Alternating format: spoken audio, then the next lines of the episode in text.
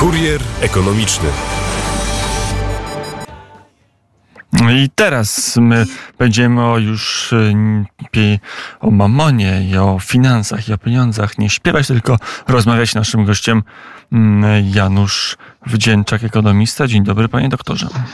Witam panie redaktorze, witam wszystkich słuchaczy Radia Wnet z średnio słonecznej dzisiaj Łodzi w Łodzi e, rzeczywiście e, może być jak w Warszawie niezbyt słonecznie, ale e, na pewno jest słonecznie w Karpaczu. Dzisiaj za chwilę rozpocznie nasze polskie Davos, forum ekonomiczne. Z jakimi problemami będą musieli się zmierzyć i ci, którzy przyjechali ze strony ekonomicznej, ze świata nauki, ale także politycy w kontekście spotkania w Karpaczu?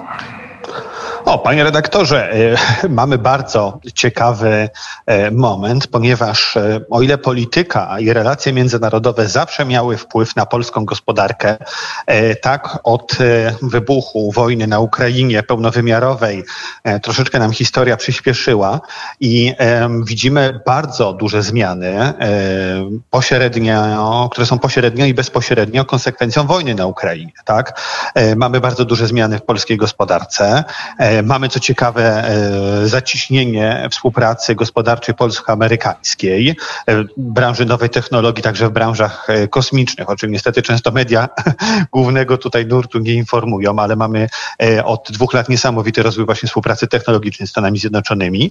Mamy także właśnie pytanie o rolę polskich firm w odbudowie Ukrainy i wzmocnieniu właśnie polskich firm różnego rodzaju, na różnego rodzaju rynkach Europy Wschodniej, gdzie polski biznes stara się wypierać biznes rosyjski mm, i stara się tam e, konkurować. O tym będziemy rozmawiać, a o zagrożeniach.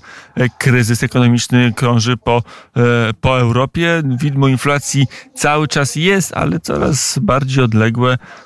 Prezesi banków centralnych często mówili, że inflacja jest z nami przejściowo Wszyscy się wtedy, czy prawie wszyscy wtedy się śmiali. E, wydawało się, że ta inflacja będzie istotnym problemem całej być może trzeciej dekady XXI wieku, a tymczasem e, bardziej teraz martwimy się spowolnieniem gospodarczym niż inflacją. Panie redaktorze, ja akurat jestem tutaj nieskromnie powiem dumny, bo ja od kilkunastu już miesięcy właśnie zwracałem uwagę, nie, nie tylko ja, także myślę wielu innych ekonomistów, że e, inflacja oczywiście ma swoje minusy. Media uwielbiają straszyć inflacją oraz e, część polityków opozycji, e, ale spowolnienie gospodarcze jest co najmniej tak samo groźne, tak?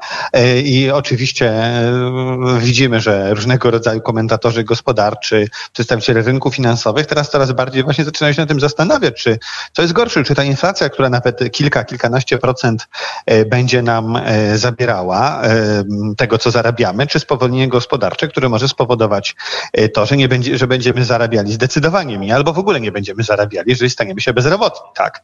No to jest, to jest stary dylemat, rodzaj, można powiedzieć, tutaj różnicy pomiędzy zwolennikami wolnego, skrajnie wolnego rynku i monetaryzmu w dużym uproszczeniu, a, a tak troszeczkę etatyzmu, tak troszeczkę myśli pana profesora Kaleckiego, czyli że to jednak bezrobocie jest najgorsze. Ale mam nadzieję, że nie będziemy musieli doświadczać za bardzo ani tego, ani tego, że gospodarka wróci do równowagi i będzie się rozwijać, e, chociaż tego jakoś nie widać, zwłaszcza w niemieckiej gospodarce, która znalazła się w istotnym kryzysie.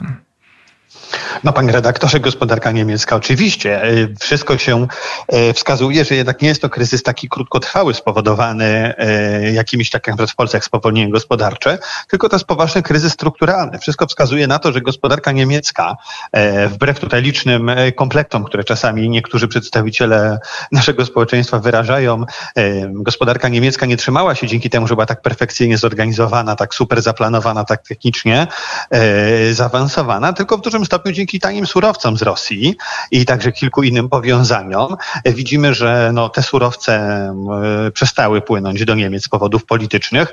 Widzimy również, że innowacyjność e, technologiczna, zaawansowanie gospodarki rosyjskiej spada i gospodarka niemiecka wytraciła właśnie te bodźce do rozwoju.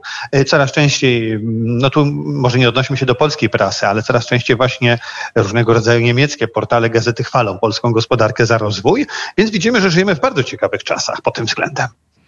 Zresztą widzimy to podobnie na przykład także w, w przypadku gospodarki chińskiej.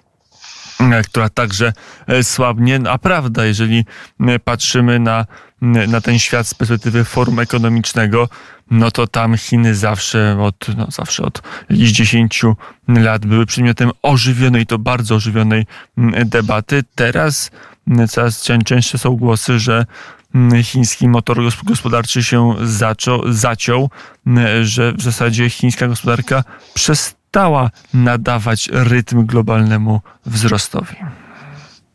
Panie redaktorze, jak najbardziej.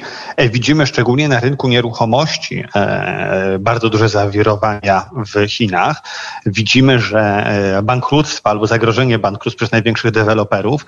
Chiny przez wiele lat wykorzystywały właśnie sektor budowlany jako taką, można powiedzieć, takie koło zamachowe, koło napędowe wzrostu gospodarczego. Teraz to się wyczerpało. No i widzimy, że Chińczycy, podobnie zresztą jak Niemcy, no okazało się, że nie mają takich jednak motorów rozwojowych i że wypadnięcie jednego takiego właśnie elementu powoduje, że e, okazuje się, tak jak mówi znany inwestor Warren Buffett, w czasie odpływu okazuje się, kto pływał bez e, kąpielówek, tak? E, to jest taki dość znany amerykański inwestor, ma takie soczyste powiedzenie. No i tutaj właśnie widzimy, że nastąpił odpływ, nastąpiło pogorszenie sytuacji i widzimy właśnie, że i niemiecka gospodarka, o której przed chwilą rozmawialiśmy, nie ma tych takich bodźców rozwojowych do utrzymania wzrostu, ani chińskie, a za to pojawiają pojawiają się zupełnie inne kraje, na przykład właśnie kraje naszego regionu, które znajdują w sobie taki potencjał. Jest to bardzo ciekawe. Co do Chin, no, panie redaktorze, no Chiny widzimy, że próbują dogonić te Stany Zjednoczone, nie mogą ich dogonić, wbrew temu, co się bardzo często mówią różnego rodzaju politolodzy, geopolitycy, to im to jednak nie idzie. Pod względem ludności już ich Indie przeskończyły. Pytanie, czy na, w Karpaczu za jakieś 5-10 lat nie będziemy koncentrować się właśnie gospodarce indyjskiej. No I czy to będzie ten tygrys wzrostu? Zresztą o tym dzisiaj mówiliśmy na antenie Radia Wnet, że to także jest szansa dla Polski, żeby nawiązywać dobre kontakty, kontakty handlowe z Chinami. No do najprostszych nie należały nigdy. Panie redaktorze, ja nie chcę tutaj za bardzo e, faworyzować ani Chin, ani Indii, szczególnie, że trudno z perspektywy polskiego komentatora tutaj jasno, ale mam dziwne przeczucie, e, śledząc, bo ja się ogólnie specjalizuję, jak może pan redaktor i część słuchaczy pamięta, e, właśnie w transformacji gospodarczej w Europie Wschodniej. Tam patrzyliśmy właśnie, jak ten Związek Radziecki się rozwijał i w końcu gospodarczo upadł. Ja mam bardzo silne przeczucie, że gospodarka indyjska będzie sobie radziła zdecydowanie lepszej niż chińska, ponieważ ma o wiele więcej bodźców, ponieważ ponieważ stawia o wiele bardziej właśnie na kwestie związane z innowacyjnością, e, z wykształceniem, e, jest inaczej troszeczkę skonstruowana, inaczej sterowana niż gospodarka chińska mm, i wszystko wskazuje o tym. Pisał taki wybitny rosyjski ekonomista i opozycjonista Jegor Gajdar właśnie o anomaliach wzrostu gospodarczego, że takiego typu gospodarki jak radziecka i chińska dochodzą do pewnego momentu, a potem się przestają rozwijać. A wszystko wskazuje, że gospodarka indyjska jest troszeczkę mądrzejsza, trochę bardziej nastawiona na wzór gospodarki amerykańskiej, czy nawet brytyjskiej, i ma e, lepsze, właśnie tutaj lepszy model, lepsze szanse rozwoju. E, to panie doktorze, przejdźmy do drugiej części naszej rozmowy, czyli mm, do tego, czym się pan zawodowo także zajmuje i ekonomista jako i teoretyk, i praktyk, czyli przygląda pan się temu, jak ma wyglądać odbudowa gospodarki mm, ukraińskiej w którym momencie tych dyskusji naukowych oraz także no, praktycznych działań różnych firm, różnego układania modelu e, przyszłej odbudowy Ukrainy jesteśmy? Mm, panie redaktorze, jesteśmy w momencie, kiedy musimy sobie zadać kluczowe pytanie, e, bo jeszcze do niedawna kluczowym pytaniem było, e, czy Ukraina wygra tą wojnę i kiedy wygra. E, moim zdaniem obecnie już wiadomo, że Ukraina tą wojnę mniej lub bardziej tak wygra, pozostanie. Obecnie kluczowym pytaniem jest to nie to właśnie, czy Ukraina wygra wojnę, tylko jest to, czy Ukraina poradzi sobie z oligarchizacją gospodarki i z korupcją. E, widzimy, że Ukraina będzie państwem niepodległym, tylko pytanie, czy poradzi sobie właśnie z tym podstawowym problemem. E, mamy bardzo e, tutaj już zakrojone w, Polsce, w Europie, w Unii Europejskiej plany odbudowy Ukrainy, tylko wszędzie pojawia się cały czas ten czerwona lampka z napisem właśnie korupcja, oligarchizacja, która jest dużym problemem. Widzimy właśnie, że minister obrony narodowej Ukrainy został odwołany częściowo z powodu właśnie skandalu z korupcją. Wszyscy kierowcy komendanci komisji uzupełnień w każdym z obwodów zostali odwołani z tego powodu. Widzimy, że Igor Kołomojski został aresztowany, tak, oligarcha. To jest akurat pozytywny sygnał kilka dosłownie dni temu, a był to oligarcha bardzo związany z prezydentem Żeleńskim, więc jak widać musimy bardzo podpadł. Okazało się, że wyprał całe miliardy e, czy e, dolarów prawdopodobnie, w, w, w, mówi się o milionach albo nawet o miliardach e, z nielegalnego pochodzenia. Mamy obecnie na polskiej giełdzie spółkę Kermel, która jest tutaj niesamowita, można powiedzieć kolokwialnie awantura, należąca do jednego z ukraińskich oligarchów, który próbuje pozbawić tutaj mniejszościowych udziałowców polskich i ukraińskich prawa decydowania o tej spółce. Więc pytanie, czy będziemy mogli sprawnie odbudowywać Ukrainę, bo nikt nie będzie chciał finansować, e, mówiąc wprost, przestępców. Tak? Możemy finansować uczciwych e, obywateli, samorządy ukraińskie, przedsiębiorstwa, możemy robić interesy przedsiębiorstwami ukraińskimi, no ale mm, społeczność międzynarodowa nie będzie chciała finansować oligarchów. I pytanie, czy społeczeństwo ukraińskie, czy naród ukraiński, elity ukraińskie sobie poradzą z tym. Mm, I czy będą w stanie oczyścić się z korupcji? Bo być może jest tak, że Polska, nawet jeżeli by wsparła odbudowę Ukrainy, no to te pieniądze nie trafią ani na rozbudowę, ani na inwestycje, czy to infrastrukturalne, czy inne inwestycje, ani nawet do potrzebujących, tylko trafią do kieszeni oligarchów. No, dlatego sobie pozwoliłem, panie redaktorze, tej jednej właśnie ze spółek giełdowych e, notowanych na polskiej giełdzie przytoczyć przykład, ponieważ tam, tam Stowarzyszenie Inwestorów Indywidualnych e, dość dużo aktywnie działa i wielu innych e, drobniejszych inwestorów, ponieważ jeden z ukraińskich oligarchów postanowił po prostu właśnie dość dużą spółkę zajmującą się sektorem spożywczym, czyli panie redaktorze, niesamowicie prężne na Ukrainie, przejąć, zwiększyć tam swoje udziały z brakiem poszanowania drobnych udziałowców. Być może dla słuchaczy się no i co z tego, tak?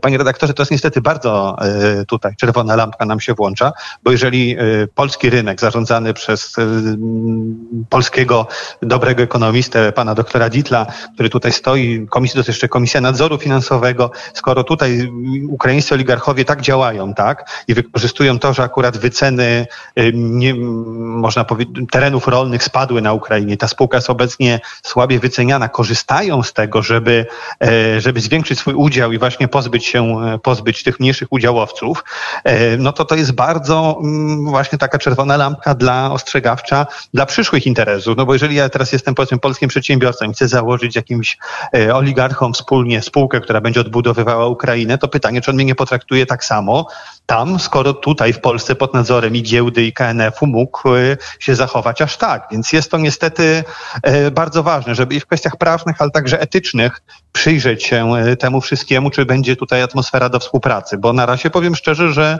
o ile jestem za wspieraniem Ukrainy w walce o wolność, to w kwestiach gospodarczych to tutaj jesteśmy zdecydowanie bardziej zdystansowani mm, e, i zdecydowanie bardziej e, chyba wymagający, bo jak to wygląda? Czego właściwie powinien dokonać Kijów, żeby, mm, żeby ta odbudowa była możliwa i żeby pieniądze trafiające tam nie były marnowane? No przede wszystkim, panie redaktorze, wprowadzić. Um, Ukraina ma bardzo dobre przepisy, ma bardzo dobre e, prawo, tylko że niestety jest ono w wielu kwestiach martwe. E, należy e, realnie przeprowadzać zamówienia publiczne, przetargi.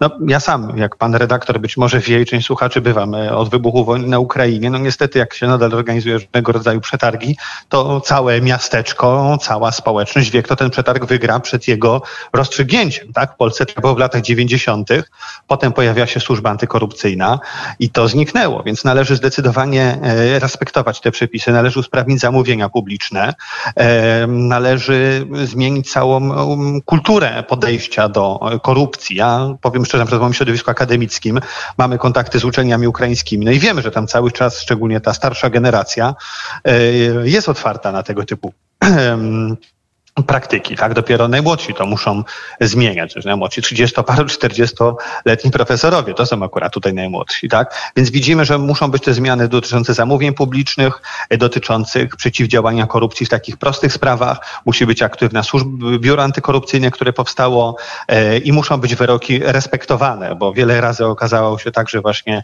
dokonywano zatrzymań, a potem ci ludzie e, oskarżeni o korupcję cieszyli się dużą e, bezkarnością. I to jest temat dotyczący odbudowy Ukrainy, a nie to, czy odbudujemy ten most, czy drugi w pierwszej kolejności. Mm, na ile jest tak, że Polska powinna wymagać pewnych y, zmian, y, zanim, czy reform, zanim y, do przekazania jakichkolwiek środków na odbudowę Ukrainy by doszło?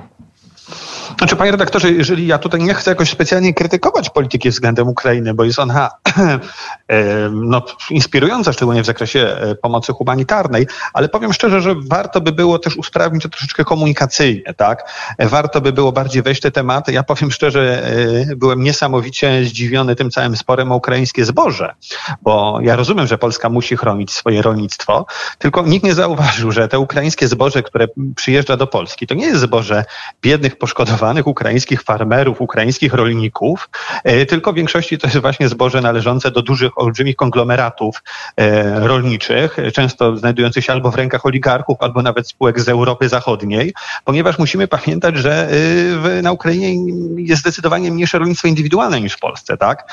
Więc tam były kołchozy i sowchozy, to wszystko następnie próbowano jakoś tam sprywatyzować.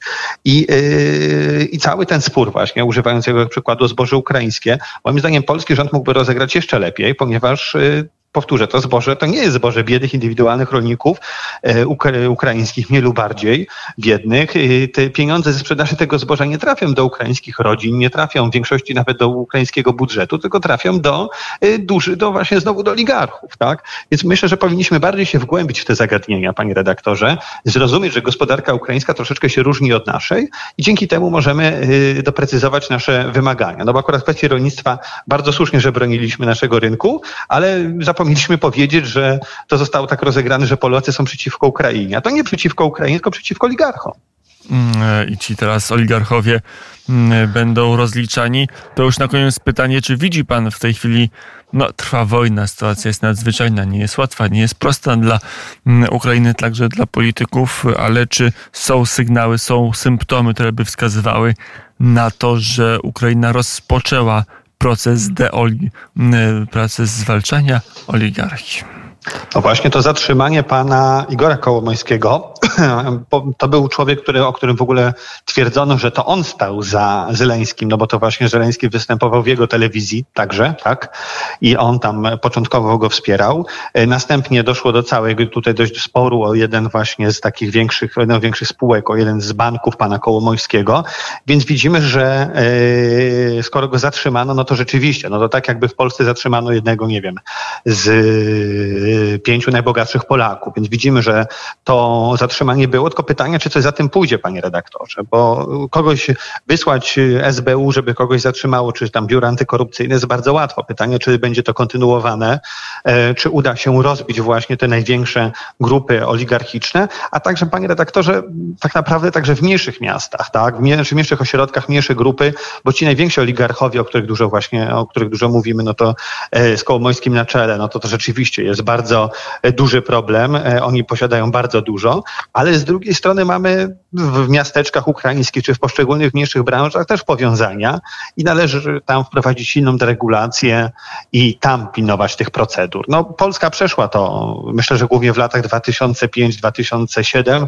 Warto, żebyśmy do tego znowu, e, żeby Ukraina też tą drogą poszła.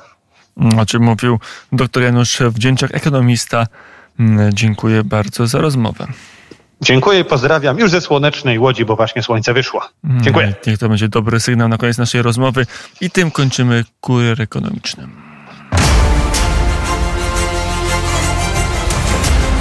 Kurier ekonomiczny.